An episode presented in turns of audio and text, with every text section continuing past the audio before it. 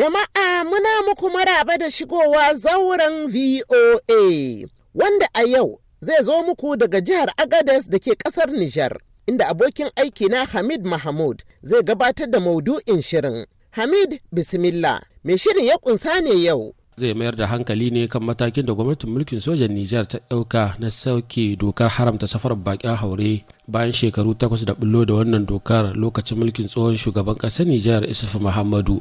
kowane tasiri soke wannan dokar zai yi wajen haɓaka tattalin arzikin jihar Agadez duba da yadda ƙungiyoyi da dama suka sha yin ƙorafe-ƙorafe game da wannan dokar domin tattaunawa kan wannan batun mun gayyato malamai da dama a cikin wannan zauren na farko akwai Emud Yusuf na ƙungiyar gamayyar ƙungiyoyin fararen fulla na Ems Wasande.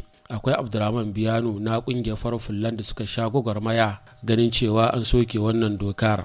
Sannan akwai Bilal Afrinunu shugaban masu safarar bakin haure na Agades sannan kuma akwai Malam Aminu wanda ya wakilci masu aikin hannu daga ƙarshe akwai musa bashir wanda shine shugaban hukumar kare hakkin bil'adama ta ƙasar nijar reshen jihar agadas to bari mu fara da emud yusuf na ƙungiyar ems wasande. Malam emud yusuf bayan shekaru takwas da kafa wannan dokar ta haramta safarar bakin haure yaya kan shi da soke wannan dokar da gwamnatin mulkin sojan nijar ta yi? To da farko muna muku godiya da kuka gayyace mu. Gaskiya muna ma allah godiya kuma mun ji daɗi sosai.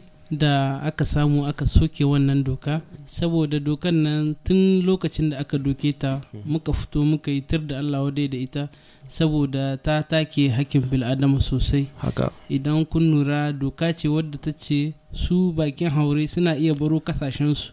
Nijar kin ma suna iya barin capital har su shigo nan agades to daga agades kuma aka dakatar da su ba su iya ci gaba su ta inda suke so su ta wannan na farko kenan. Na biyu kuma dokar ta zo ta karya tattalin arzikin jihar gata mu ta agadis saboda matasa ne da dama da al'umma agadis ma ga baki ɗaya suke cin amfanin wannan zirga-zirga ta 'yan bakin haure. To tun da aka kafa wannan doka tattalin arzikin jihar tamu ya zo yi kasa sosai. To wannan abu shi yasa muka tashi sai tsawon shekara takwas. Muna fata mu ga cewa an soke wannan doka. Kuma da aka soke wannan doka muka fito muka yi murna muka gode ma sabon hukumomin ga da Allah ya kawo mana waɗanda su ne suka yi nazari suka ga lalle wannan doka ba a bi ka'idar da adam ba kuma doka ce wadda ba ta gyara kasan mu Niger suka soke mana ita. Wannan dalili ne yasa kuka gani muna musu godiya bisa kan soke wannan doka. Malam Musa Bashir da kake shugabantar hukumar kare hakkin bil'adama ta ƙasar Nijar reshen jihar Agadez kun shayin tsokaci a kan cewa wannan dokar ta haramta safar bakin haure ta saba wasu dokoki na ƙasa da ƙasa. wannan doka ta saba ma sauran dokoki na ƙasashe wanda muka sa hannu a ciki. Kamar kwadi ba kamar a lokacin na akwai protocol wanga na siriyawo nijar ta saka hannunta ciki. Kenan bai kamata ba dan mamba na ƙasar siriyawo idan ya shigo ƙasar nijar ya kasance ba zai iya tsallaka ba ƙasar nijar. To mu muna ganin kamar an take hakkin bil'adama a ɓangaren tafiye-tafiye. Tunda kamar an kwadiba a declaration universelle na de l'homme article 13 alinéa 2 ya ce duk adam iya da izinin ya tafi ƙasar da yake so kuma ya dawo lokacin da yake so ƙasar shi. Amma kowace kasa tana da izini ta dan sa irin ya dokokinta na yadda za a shigo mata kasa ko ta ce sai da visa ko sai da card identity ko sai da fasfo kowace tana iya ba da irin kamar tsarin yadda ta so a shigo ƙasar ta amma mu da yake mun sa hannu a religion CDAO kenan bai kamata ba a ce wanda ya huto da kasan Mali ko nan ƙasar Togo a ce a idan ya zo Agaris zai zama matsala a gare shi na ya wuce. Wannan ga inda doka ta saba.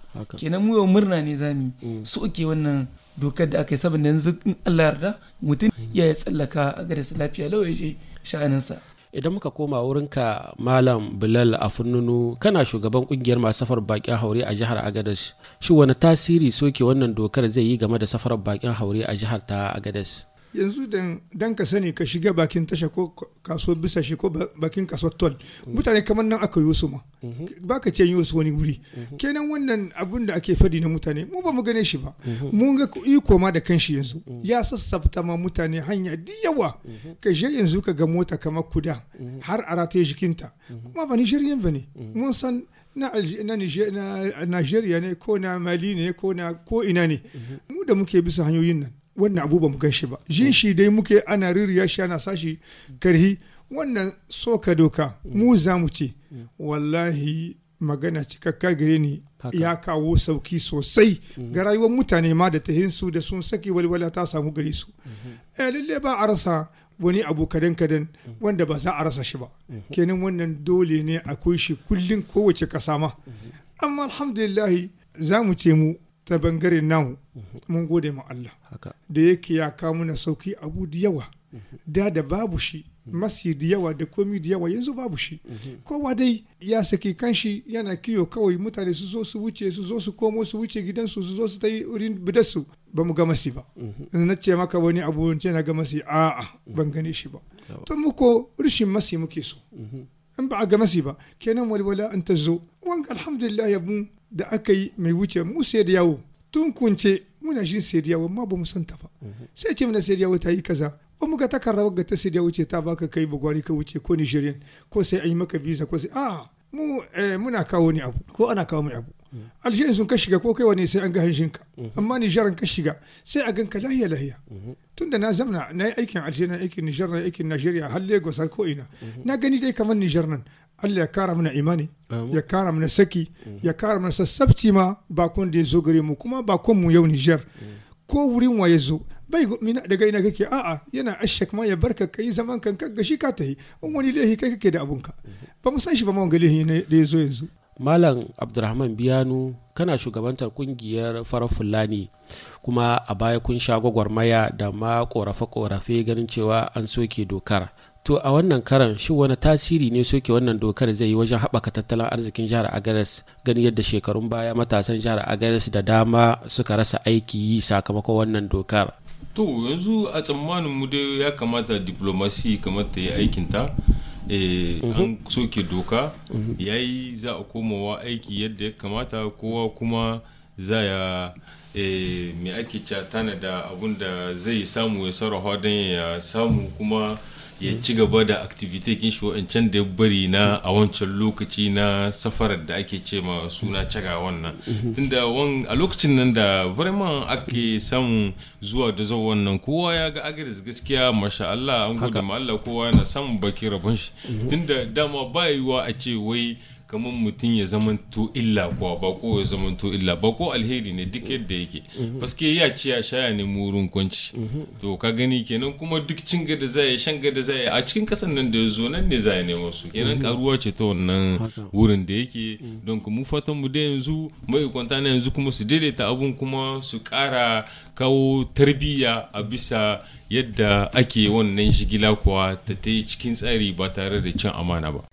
Da wannan bayani na Malam Abdurrahman Diallo za mu dakata a yau idan Allah ya kai mu makon gobe za mu ci gaba a madadin ɗaukacin ma'aikatan sashen Hausa na muryar Amurka da Hamid Mahmud wanda ya haɗa shirin daga jihar Agades na ƙasar Nijar sai Solomon Abo wanda ya daidaita sautin shirin. Madina Dauda ce ke cewa mu huta lafiya.